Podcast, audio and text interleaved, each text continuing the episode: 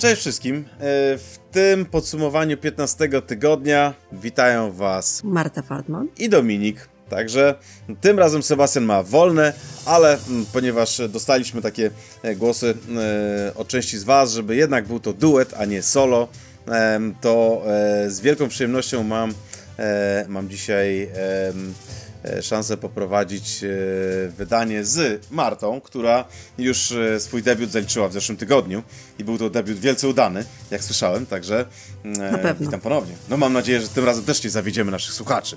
Mm. Zobaczymy, zobaczymy Dominik, jak nam się będzie układała ta współpraca. Z Sebastianem poszło, zobaczymy jak z tobą.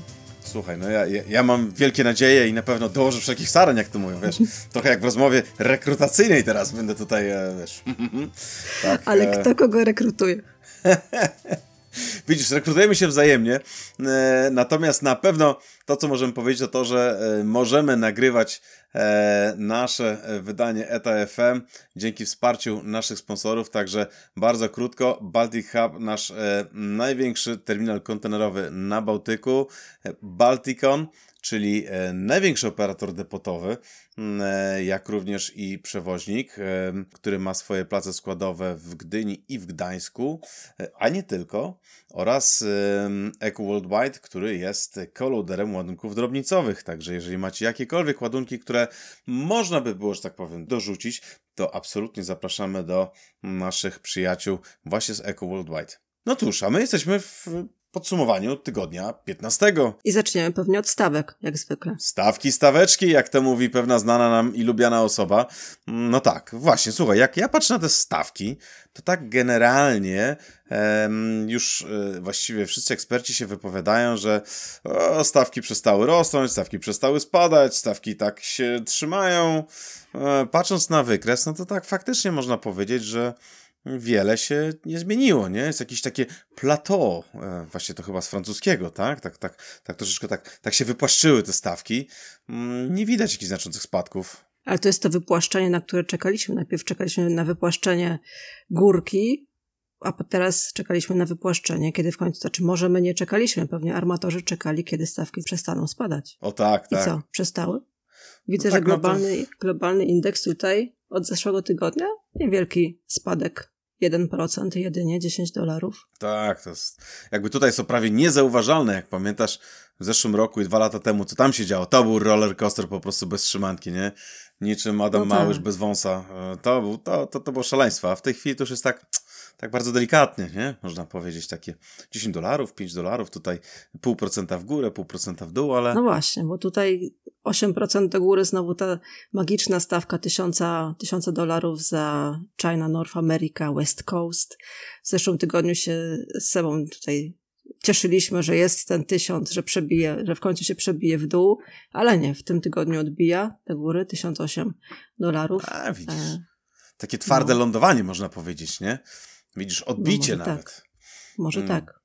Tak, także chyba wydaje się, że faktycznie teraz te stawki troszeczkę wyhamowały, nie? jeżeli chodzi o spadek. Ehm, różnice, które są, to są z reguły na tych kierunkach takich, delikatnie mówiąc, może nie, nie podstawowych, prawda? No tak jak patrzę sobie, to mamy największy spadek był North America, East Coast to North Europe. No i tutaj mieliśmy 14% spadku stawki, no tak, ale to jest do poziomu 354 dolarów, więc e, tak. E, no to już tutaj takich wyjątkowych, wyjątkowych jakichś zmian nie ma. Rzeczywiście nawet mamy e, zatrzymanie, stawka taka jak w zeszłym tygodniu na Europe to South America West Coast. Mieliśmy też China mm, na North America East Coast. Takie same stawki jak w zeszłym tygodniu, także rzeczywiście wypłaszczenie poza tymi jednymi 15%. Tak. No, y, faktycznie, w naszej branży jedni się cieszą z takiego wypłaszczenia, drudzy trochę mniej. Myślę, że w szpitalu przy wypłaszczeniu cieszy się prawie nikt. Natomiast tutaj na szczęście udało się, udało się to wyhamować. Słuchaj, patrzę sobie też, e, wiesz, z czego to może wynikać. No bo, bo tak, statki e, schodzą ze stoczni. Statków, które nie mają zatrudnienia, liczba rośnie i ta capacity jest dosyć wysoka, która nie ma zatrudnienia.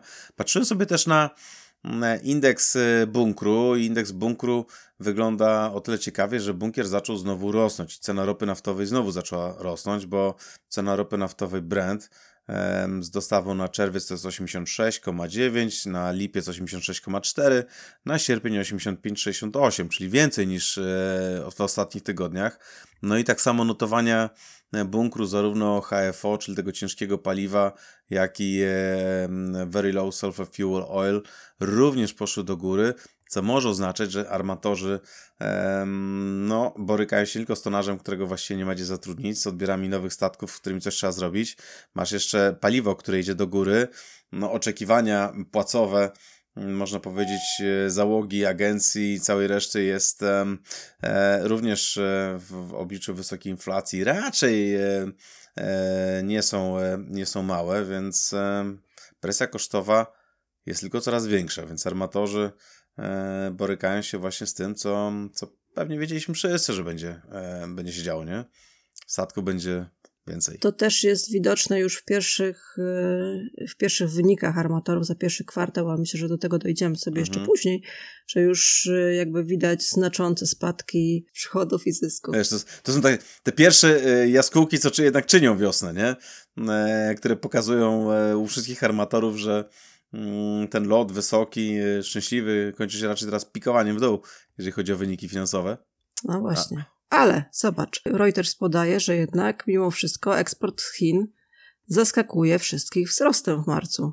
14,8% rok do roku. Wszyscy się tutaj spodziewali, właściwie nie, wi nie wiadomo czego, czy, czy rzeczywiście ten eksport będzie, e, będzie malał, że recesja i mhm. jakieś zahamowanie gospodarki, a jednak eksport z Chin 18% do góry, co prawda import e, minus 1,5% rok do roku, ale cały czas Chiny eksportują, mimo że są momentami na cenzurowanym w niektórych, w niektórych krajach. No tak, ale widzisz, to, to jest też co tam, e, co możemy wyczytać w tej informacji, to to, że e, głównie ponoć jest to, e, jest to wynik dużego wzrostu eksportu, tak, solar products, czyli pewnie paneli solarnych, fotowoltaiki, tej co do nas dzwoni, dzień dobry, dzień dobry, dzień dobry, dzień dobry i później wiesz, jak nie odbierasz, to się rozłącza. E, tak, znamy takie firmy i nie pozdrawiamy.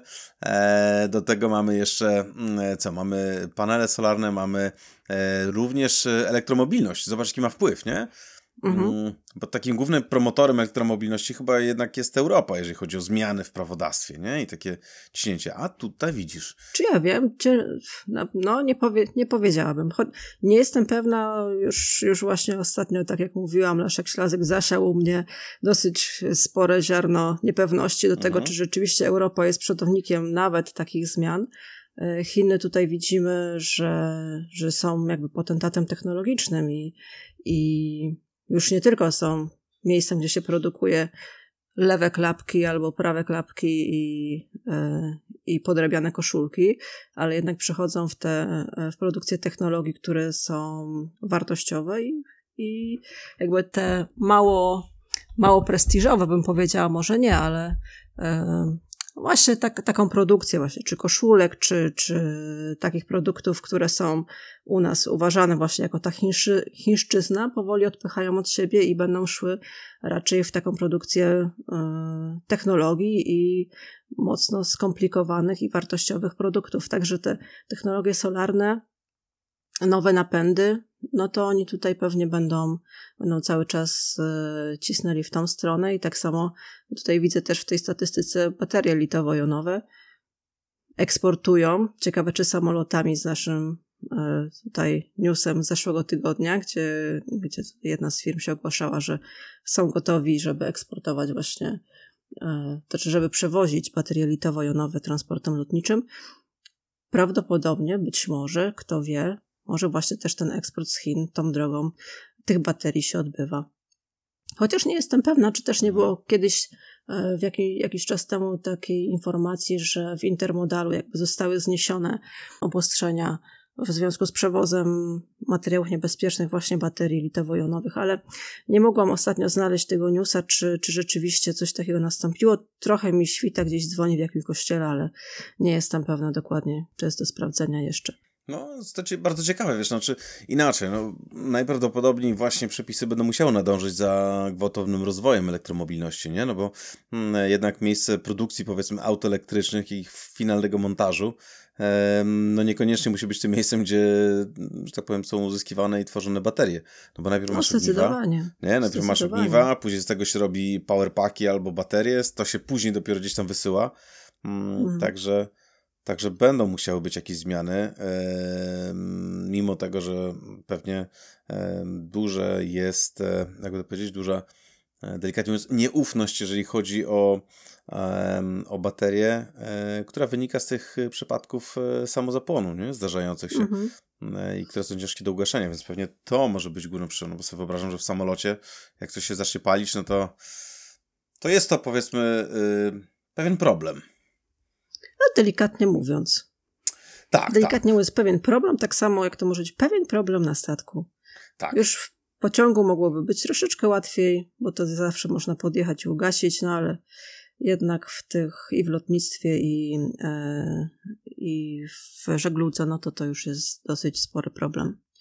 Ale w żegludze CMA ogłasza zmianę portu docelowego w Polsce news tygodnia zeszłego. No, Dokładnie.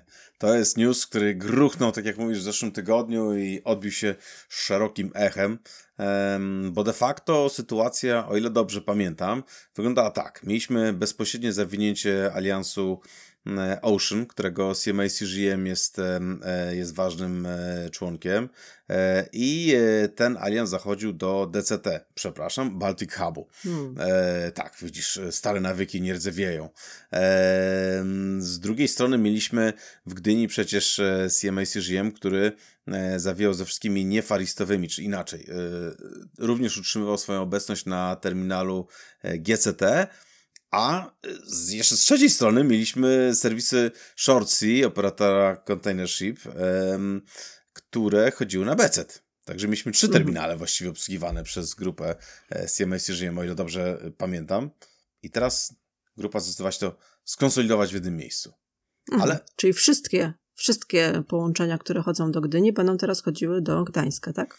Tak, rozumiem. To znaczy, w tej informacji, którą, e, e, którą uzyskaliśmy, e, jest mowa o tym, że jedynym portem zawinięć będzie port w Gdańsku, natomiast serwisy do Szczecina pozostają niezmienione, czyli zostaje de facto Szczecin, czyli DB Port Szczecin oraz Baltic Hub, także wiesz, myślę, że e, jeżeli tylko uda się, mm, że tak powiem, nam zaprosić przedstawiciela grupy CMA CGM, e, to z przyjemnością chcielibyśmy taką krótką e, informację tutaj zaprezentować Państwu. No i też może wejdziemy, wiesz, wejdziemy tutaj w dyskusję i może dowiemy się czegoś nowego, bo myślę, że ta zmiana to nie będzie jedyna zmiana, która nas czeka, no bo to jest przepinanie wszystkich połączeń intermodalnych, to jest również zmiana, jeżeli chodzi o depo, o całą resztę, także no, dużo się będzie działo. Będzie się działo i zapraszamy kogoś z CMA w takim razie do nas. Tak jest. Żeby opowiedział o tych nadchodzących, nieuniknionych zmianach. Tak jest. Myślę, że e, myślę, że będziemy na to wszyscy czekać. No, mm, z takich e, newsów, powiedzmy, które są troszeczkę dalej od nas, to mamy tak. The Alliance PS8 jest samodzielnym, pozostaje teraz samodzielnym lupem Hyundai Merchant Marine. Hmm, no i teraz pytanie, czy jakby jest to, jest to news tygodnia? Pewnie mniej, no bo no może dla Hyundai'a to tak i serdecznie pozdrawiamy koleżanki i kolegów, e, bo tutaj mówimy o serwisie, który był e, oznaczonego Central China, Korea, Kalifornia, e, statki 8,5 do 11 tysięcy, Także pewnie dla nas tutaj, dla naszych słuchaczy jest to może mniej, e, e, jak to się ładnie mówi, e, łamiący news niż, niż na tych rynkach, ale jest to, zawsze, jest to zawsze coś nowego. Ale jakby co, wiemy, że nie znika zupełnie to połączenie. Hyundai przyjmuje to połączenie tylko na siebie. Już wiemy też, że ONI będzie sobie bukować sloty na, tej, na tym lupie, także jakby komuś zależało na tym, na tym połączeniu, to będą możliwości. Tak jest. No, z takich newsów trochę bliżej do nas. I znowu CMA CGM, słuchaj. Ja myślę, że tutaj akurat w tym, e, w tym wydaniu tutaj CMA CGM grupa zaczyna monopolizować, więc musimy szybko poszukać jakichś newsów, które są nie tylko Zdecydowanie. E, związane. Ale wiesz, w zeszłym tygodniu Hapak mocno monopolizował, także w tym tygodniu mamy CMA, wiesz, 25-lecie Hapaga zobowiązuje tutaj w Polsce, także serdecznie pozdrawiamy naszych przyjaciół, e, tak, z Hapag Lloyd i życzymy udanej rocznicy. Natomiast e, znowu wracając do tego newsa, którego, e, którego mamy przed oczami, no to e, mówimy tutaj o e, serwisie CMA, CGM oraz ONI, e, które porzucają, można powiedzieć, zawinięcie do Damiety na serwisie NC Levant Express, łamane na NEX.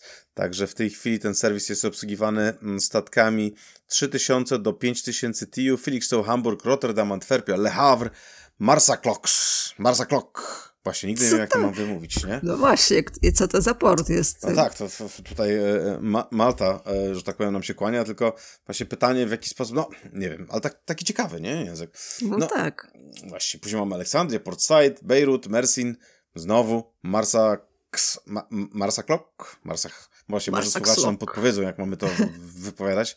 Tangier Med i Felixstowe. Także mm, tutaj e, to był kolejny news armatora CMA e, CGM. No mamy też e, news jeszcze dalej, szanowni państwo, z tego pięknego kraju, gdzie ludzie o, że tak powiem, o, o wzroście tutaj hobita i równym owłosieniu wrzucali bodajże różnego rodzaju biżuterię do wulkanu. Tak, jest to Nowa Zelandia, ponieważ Neptune Pacific Direct Line, czyli w skrócie NPDL, E, mój Boże, kto wymyśla takie skróty, e, ale lepszym skrótem jest ANZPAC, e, bo ma, e, jest to operator, który operuje na serwisie Australia, Nowa Zelandia, Pacific Ocean Islands. E, no i tutaj, słuchaj, tutaj dopiero mamy e, ciekawostki, prawda? No bo mamy takie no, porty. Tutaj już jest naprawdę. Słucham Dominik, czekam, czekam na to, no chociaż no najlepiej, najlepiej to wychodzą ci zawsze te chińskie nazwy, ale proszę. No dobra, to, to czekaj, to, to testujemy.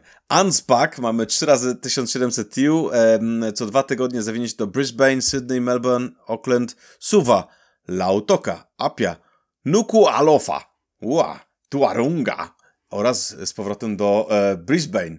No, powiem szczerze, aż żuchwa boli, jak się czyta.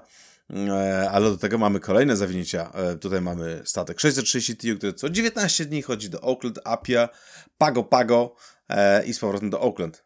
No, ale są też takie miejscowości e, w innym zawinięciu. Oakland, PPT na Tahiti, Nuku'alofa, to jest Tonga i z powrotem do Oakland. Mój Boże, myślę, że to jest, to jest wiadomość tygodnia. Naprawdę, to e, Powiem tak. przykryła tą wiadomość odnośnie CMA, który przechodzi do, absolutnie do przykrywa, przykrywa w ogóle wszystkie wiadomości, nie? Przykrywa nawet, nawet kolejną, czyli E, to, co się dzieje na, e, w światowym handlu morskim, luty 2023, mamy spadek 5%, e, luty do lutego 2022.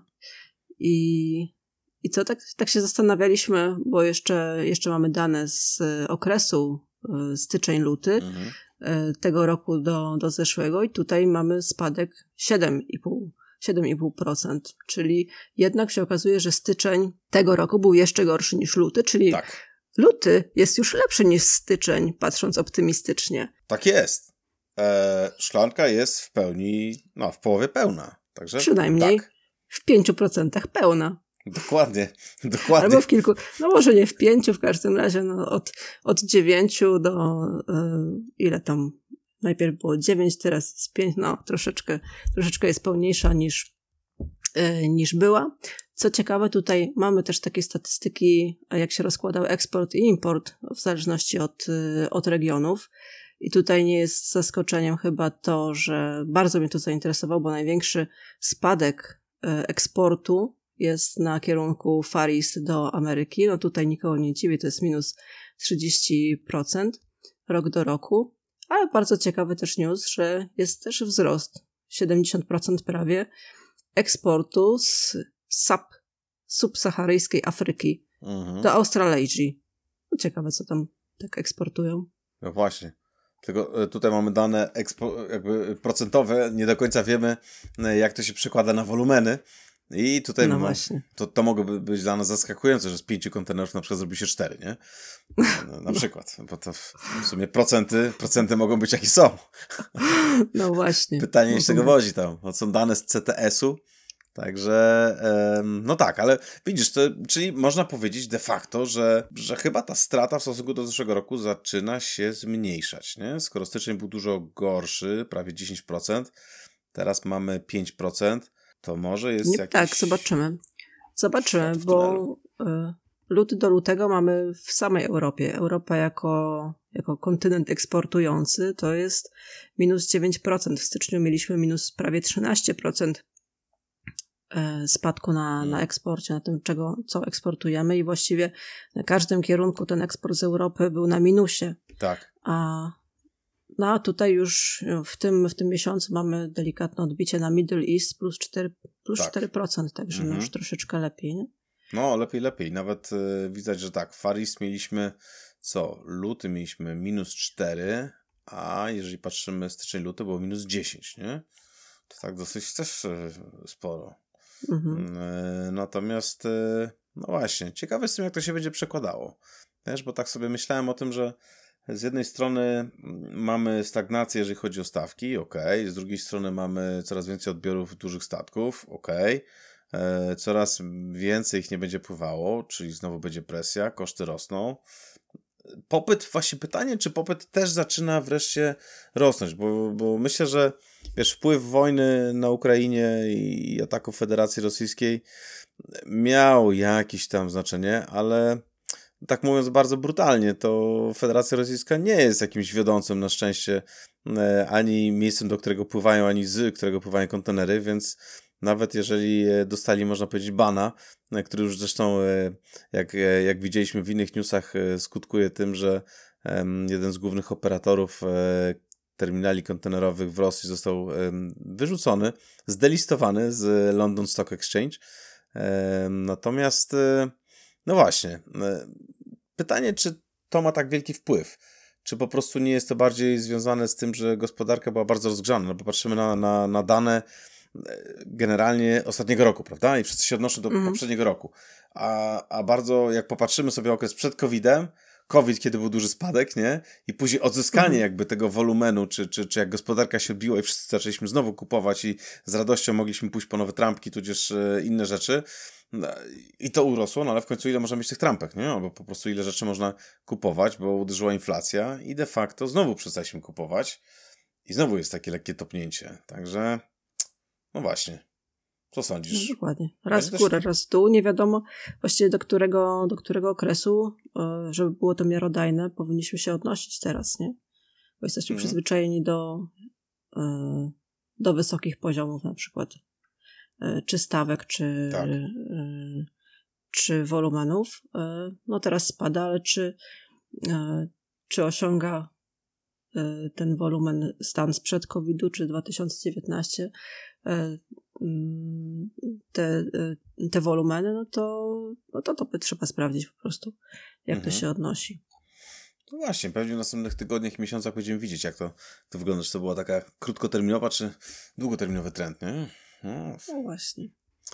No Ale tak. mamy sytuacja operacyjna, to teraz ja może. Zawsze, tak zawsze jest. ty tutaj opowiadałeś o Baltic Hubie, a jako, że jestem wielką fanką, to dzisiaj ja. Tak. Ależ absolutnie. Ależ absolutnie. W tygodniu 15 co mieliśmy? Mieliśmy dwa statki o, o, o WCL, jak to pięknie zawsze mówisz, Skandynawia. A właśnie taka propos, ostatnio znalazłam e, na YouTubie taki film z przypłynięcia Skandynawii 2018 roku, gdzie się wypowiadasz, że to jest pierwsze przypłynięcie takiego wielkiego tak. statku, tego właśnie oto naszego na wówczas DCT, teraz Baltic Hub. Także przypłynął znowu, opóźniono 11 godzin. Był też e, Allianz 2M e, Manchester, Manchester Mersk, który chyba się zmieścił w oknie czasowym. E, co z, ze statystyk? Spada średni czas składowania kontenerów w imporcie i w eksporcie. Czas składowania jest krótszy niż średnio z, ostatnich trzech miesięcy. Także troszeczkę idziemy tutaj koledzy z Baltic Hubu E, poprawia się sytuacja. Tak samo na kolei wzrost przeładunków. Bocznica miała tylko w tym tygodniu, czy w poprzednim tygodniu 13,5 godziny przerw pracy w związku z brakiem dostępności składów kolejowych, a w poprzednich tygodniach, jak e, być może pamiętacie, było e, ponad 30 godzin takich przerw. E, wzrost przeładunków na kolei o około 3%, 6441 przeładowanych kontenerów, czyli też mamy powyżej średniej, i czas obsługi ciężarówek z 30 minut, które były w poprzednich tygodniach, spadł do 28 minut średnio. A najmniej oblegane okna załadunkowe są między pierwszą a piątą rano. Tutaj mamy wykorzystanie poniżej 40%, czyli mm, wygląda na to, że w Baltic Hubie lepiej z tygodnia na tydzień. Tak jest. Tak jest, no wiesz, ja, ja e, ostatnio widziałem nawet wiadomości e, z Baltic Hubu, który, e, które pokazywały progres, jeżeli chodzi o budowę T3, także... Mm, A, też widziałam. Tak, no, fajnie to wygląda, nie? Taka wielka piaskownica usypana jakby tuż obok, tuż obok Kei od strony wschodniej, także myślę, że na plaży, na stogach, prawda? Będzie no dobrze. No właśnie. Może to zobaczyć. No właśnie, ja, tak, tak, tak, tak, tak, ja już się nie mogę doczekać. A, gdzieś tam shipspottersi będą oblegać tą plażę, tak, nie? Teraz tak, tej strony będzie można wszystko oglądać. No właśnie, bo teraz nie można za bardzo obejrzeć przez parking, tam zasłaniają budynki, zasłaniają kontenery, tego statku za bardzo nie widać, a od strony plaży będzie elegancko teraz. Może no. nie teraz, który to rok 2024 bodajże, tak? Tak jest. Zakończenie tak budowy. Jest. Tak jest, no ale jest to na pewno duże wyzwanie inżynieryjne. Zresztą pamiętam, jak budowaliśmy y, te dwa, no to jednak jest to cała masa zaangażowanych ludzi, e, fachowców. Ja tylko, ja, że tak powiem, jako prosty człowiek handlowy mogłem to oglądać, ale, ale duża masa bardzo mądrych ludzi przy tym działała i no i jest to naprawdę wynik, wynik, e, można powiedzieć, ekscytujący, nie? Że w dwa lata nagle potrafisz postawić duży terminal kontenerowy. Dokładnie. E, także no, trzymamy kciuki. Trzymamy A ty kciuki. chyba miałeś całkiem dobry widok na ten terminal. Tak, znaczy ja Nie? miałem akurat widok nawet na, na bramy wjazdowe i akurat e, na wprost na T1, także można było zegarkiem w ręku patrzeć, kiedy statki wchodzą. No, mhm. może ostatnimi czasy to raczej nie z zegarkiem, tylko takim raczej z zegarem albo nie wiem, zegarem słonecznym. No, tak, tak już, e, no ale ostatnio e, tak, statki pływają coraz bardziej na czas tak bardzo wpływają na czas, że terminale już nie wiedzą, co mają zrobić, bo, bo już wszystko się, nic się nie opóźnia i, i, i znowu jest źle.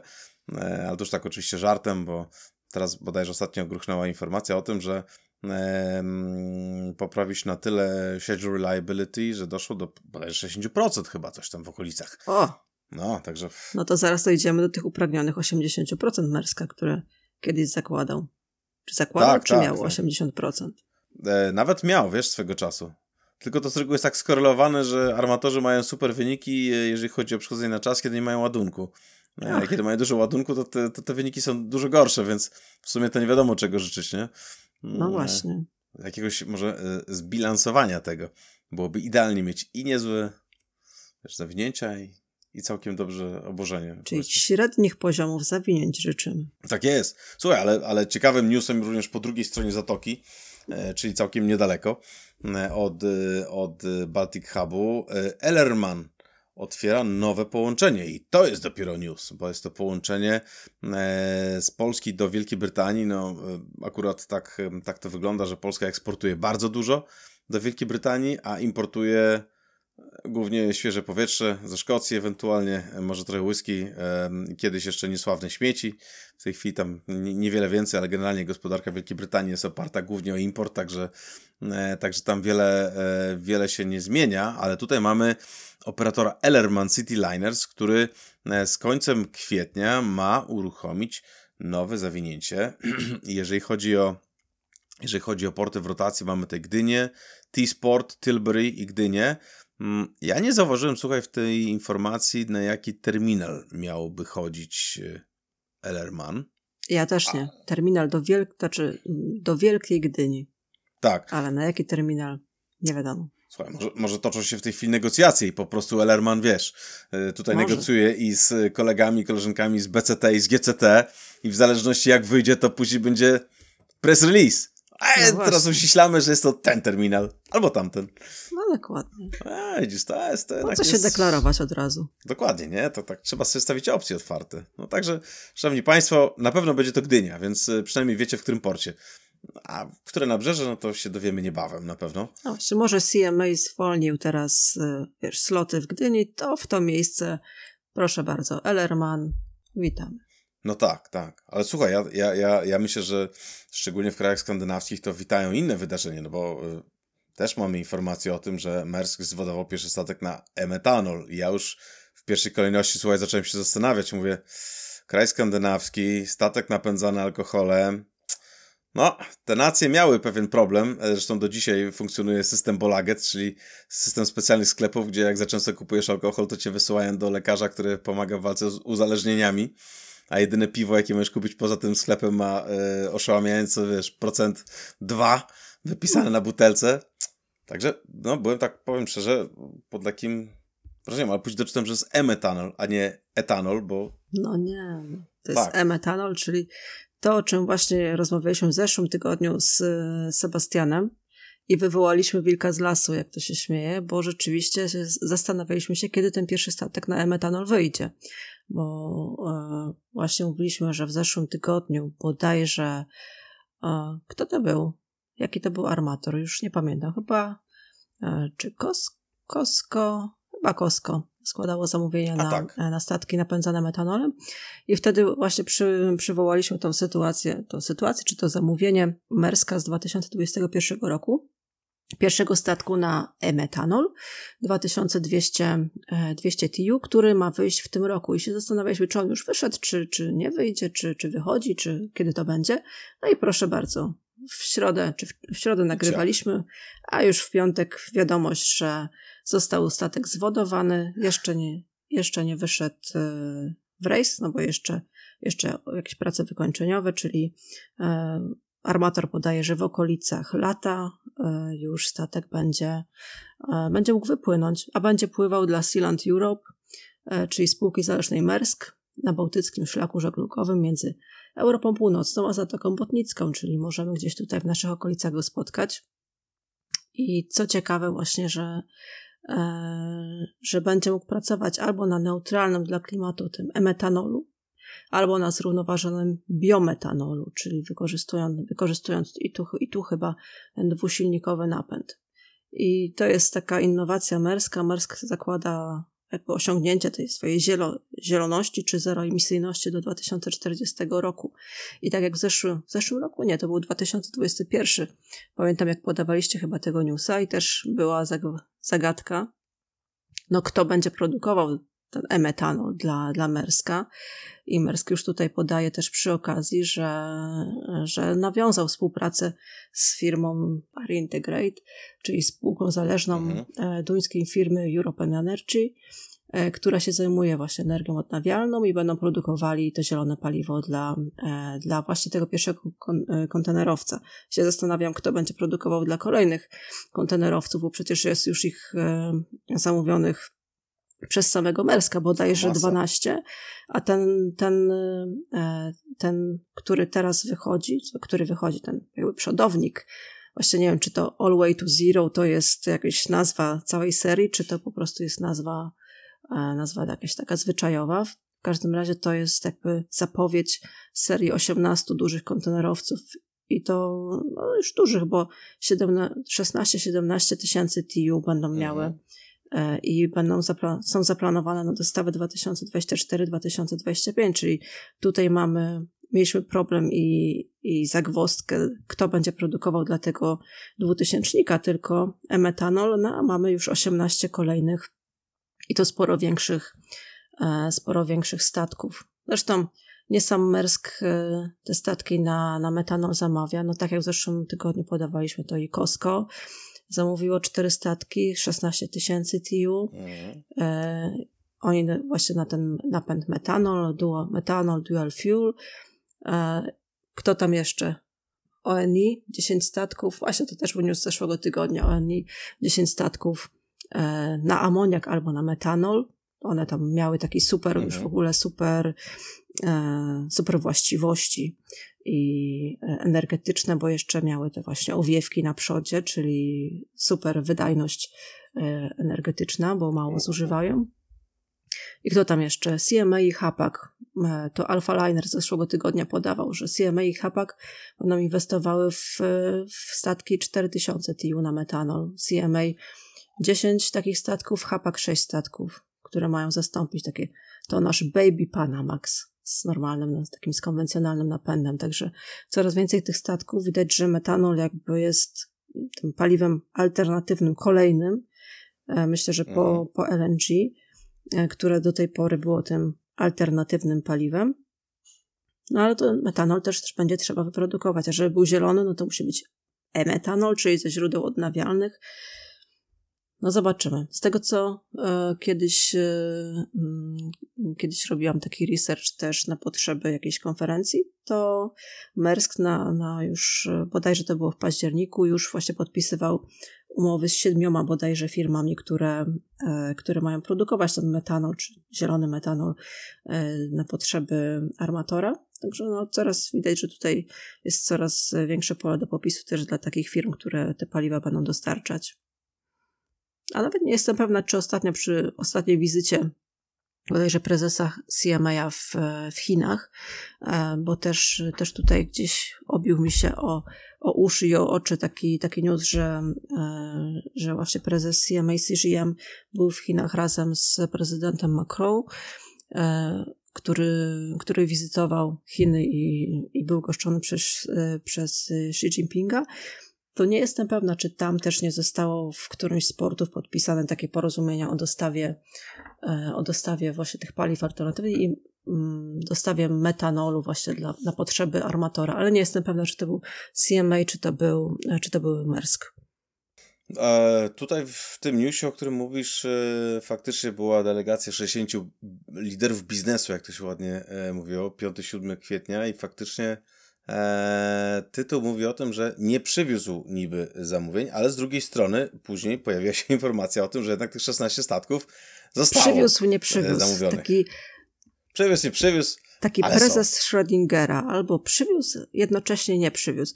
A jak, e, jak można doczytać dalej, to jest e, to było mhm. zamówienie, które wcześniej zostało złożone i ono już jakby było wpisane na listę tak orderbooku CMA ale no teraz zostało po prostu oficjalnie klepnięte i, i poszło. Tam były cztery kontenerowce na LNG, Megamaxy i 12 Neopanamaxy na, na metanol, czyli tu zobacz, kolejne, kolejne, które w tych poprzednich mhm. statystykach gdzieś tam, które sobie e, pamiętałam i wyliczyłam, to, to tutaj tego CMA nie było właśnie z tym rozmiarem 15 tysięcy TU.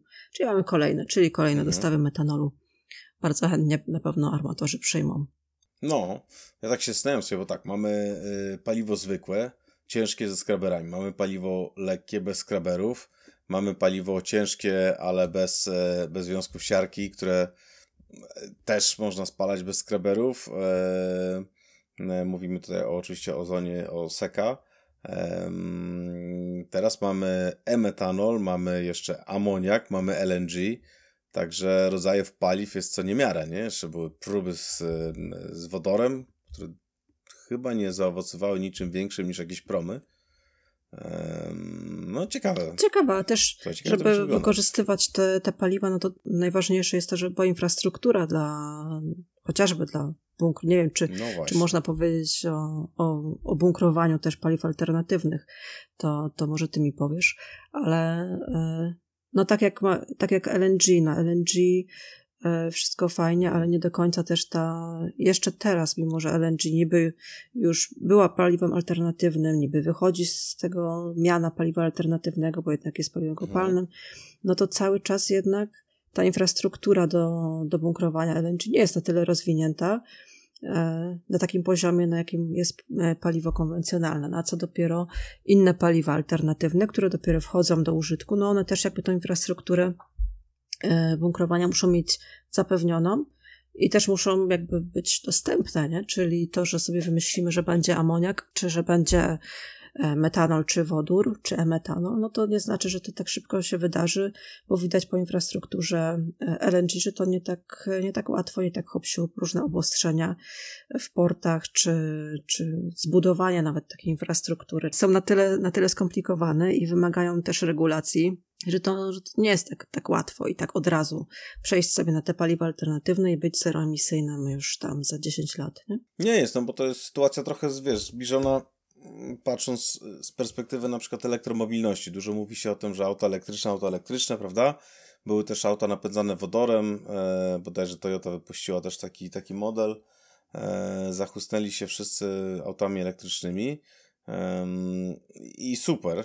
Natomiast e, ile stacji ładowania jeszcze do niedawna było, mhm. prawda? Można było kupić auto, ale nie bardzo było gdzie je ładować, no chyba, że z gniazdka albo z jakiegoś wallboxa, tylko, że jeżeli nie masz powiedzmy e, garażu w domu, ani dostępnej ładowarki gdzieś tam, to, to był to pewien problem. Także znowu, brak infrastruktury, prosta rzecz, nie? Niby mówimy o, o ładowaniu aut elektrycznych, to, że tak powiem, prąd, który mamy wszędzie de facto, a to był już problem, a teraz mówimy o nowych paliwach, które, które że tak powiem tak, mamy LNG, dopiero pierwsze e, jednostki do bunkrowania, czyli generalnie podawania paliwa e, e, zostały bodajże mm, takie na, na większą skalę zamówione przez grupę Total dla CMA CGM, który był jednym z pionierów, jeżeli chodzi o LNG.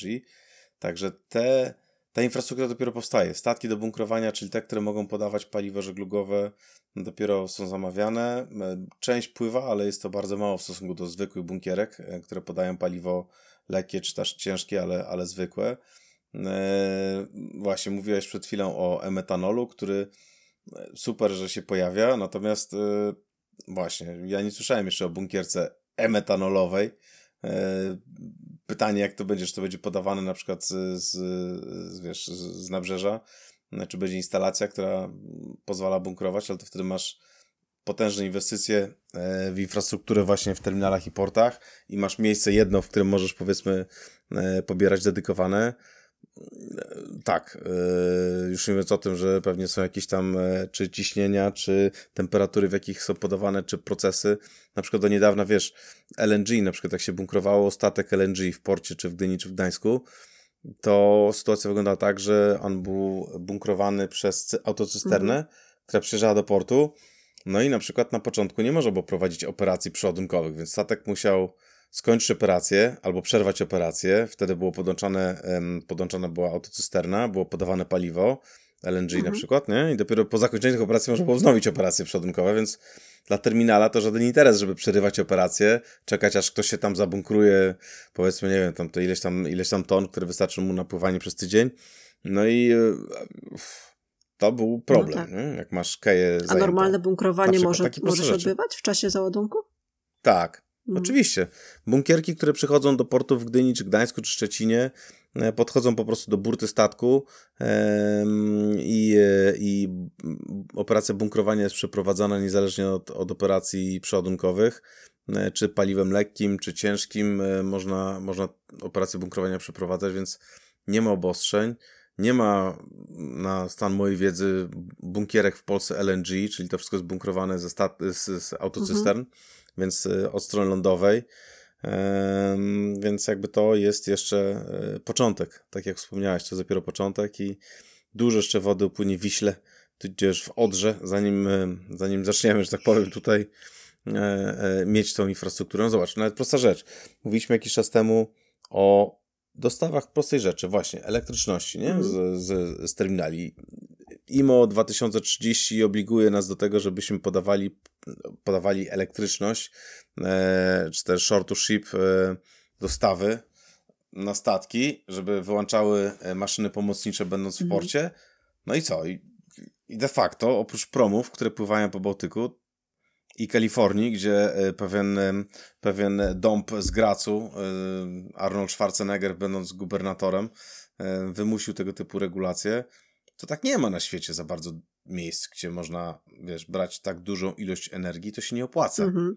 Po prostu to paliwo, z, ta energia elektryczna pobierana z lądu jest de facto, czy była de facto droższa. Teraz przy wysokich cenach, no znowu cena bunkru zaczyna rosnąć, ale E, jak rozmawialiśmy dawno temu jeszcze e, w momencie mm, ewaluacji właśnie tego typu inwestycji, to armatorzy mówili szczerze, no fajnie, że tak i chcemy być proekologiczni, ale różnica w cenie paliwa, e, a elektryczności, która byłaby podawana powiedzmy mhm. na statek, żeby utrzymać agregaty, utrzymać rifery, generalnie systemy statku podtrzymać, to było po prostu droższe. No tak, to zawsze, jak zawsze wychodzi pytanie, e, które się pojawia przy, przy tak zwanej zielonej transformacji, kto za to zapłaci, czy klient będzie chciał za to zapłacić. Bo instalacja do, do tak zwane OPS-y, czyli ten onshore power supply, no to o, gdzie już jest? Już w, w, w Gdyni na terminalu promowym już jest. W No Gdańsku właśnie, nie. na W Gdańsku nie wiem, szczerze powiem. No. Także infrastruktura powoli już jest, no a teraz kwestia, czy ktoś będzie chciał za to zapłacić, czy będą takie regulacje, które rzeczywiście będą zmuszały do tego. Czy jak podłączymy, Wiesz, jak tak podłączymy jak- statek do, do gniazdka na terminalu, to czy nam zaraz cały Gdańsk nie, nie padnie? no właśnie. Ale to będzie przynajmniej widać, wiesz, nie trzeba będzie patrzeć na stronę internetową. No e, właśnie. Czy przypłynął? Przypłynął już. e, Napięcie siada. bo jak zobaczysz, wiesz, takie puf, i napięcie siada i tak światło gaśnie, to znaczy, że jednak ktoś podłączył taką wielką wtyczkę do statku i wtedy całe życie tak spowalnia, robić tak, tak bardziej, tak wiesz, Tak. nie? Taki work-life balance Spokojnie. się od razu. I wtedy wiadomo, że statek z spokojem rozładuje, załaduje, a jak skończy, to włączy. Tak jest. No i widzisz, to, to jednak życie mm, rozwiązuje samo problemy. Natomiast, e, wiesz, tak na koniec, patrząc, e, już tutaj odchodząc od tego aspektu humorystycznego, e, no tak, chociaż nie, jeszcze nie odchodzimy od Nie? aspektu humorystycznego, bo mamy informację o, o, o młodej, właśnie jak to powiedzieć po polsku, paddleboarderce? Nie wiem, może surferce, chociaż ja nie powiedziałem, że to jest takie humorystyczne, bo jakbyś był w bikini przez 20 godzin, 40 kilometrów od lądu, to nie byłoby ci chyba do śmiechu.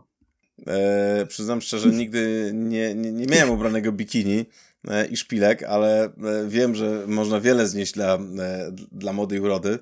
E, e, no niestety chyba nie ma w moim rozmiarze. Natomiast wyobrażam sobie, że musiała to być chwila grozy, kiedy dziewczyna stojąc na, na tej desce surfingowej z wiosłem odpływa od brzegu, a tu warunki chyba jeszcze nie są takie No lekkie, chyba nie. A jeszcze przypo...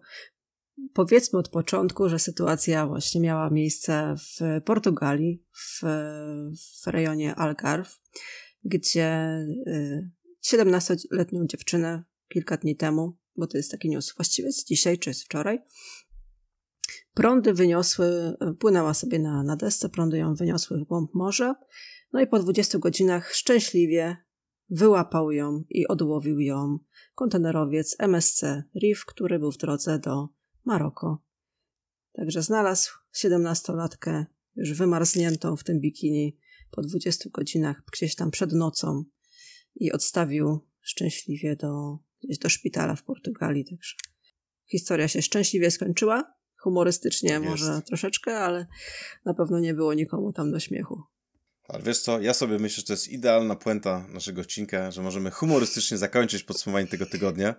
E, Także w dobrych nastrojach. Tak. Dziękujemy Wam za uwagę. No i zapraszamy do słuchania tego odcinka i następnych. Jeśli wypływacie na szerokie wody, to MSC zawsze was gdzieś tam wyłowi albo uratuje. Właśnie. Tak jest. Em, Tak. tak. Także uważajcie na siebie. E, Jak pedałujecie, to nie wiem, ubierajcie bikini albo nie ubierajcie. Właśnie pytanie zależy od pogody pewnie. Tak. No ale cóż, Dziękujemy. na szczęście to się wszystko No, dobrze skończyło. dziękuję. Dziękujemy. Dziękuję bardzo. Ci, Dominik. Do usłyszenia. Dziękuję również, Marto. Możemy nagrywać ten podcast dzięki wsparciu partnerów i sponsorów. Pierwszym z nich jest Balticon, wiodący przewozik kontenerowy, realizujący zlecenia dla najlepszych armatorów morskich i spedytorów. Balticon dysponuje również własnymi depotami, na których serwisuje e, specjalistyczne zabudowy kontenerowe oraz prowadzi ich wynajem, a ich specjalnością są reefery. A od samego początku, jak tworzymy, e, nasz podcast wspiera DCT Gdańsk, największy terminal kontenerowy na Bałtyku i prawie równie długo czołowy kolauder morskich ładunków drobnicowych firma EQ Worldwide. Jeżeli jesteście spedytorem jeszcze nie wozicie drobnicy, to dobrze się skontaktować z EQ, bo łatwiej z nimi wystartować. A jeśli chcecie do nas dołączyć, podzielić się swoją wiedzą, poprowadzić któryś odcinek, dać wywiad, cóż wam tam w duszy gra, to śmiało do nas piszcie na kontakt eta.fm lub po prostu nagrajcie to, o co chcecie zapytać, tak że będziemy mogli to załączyć do któregoś z odcinków na anchor.fm łamane przez eta.fm.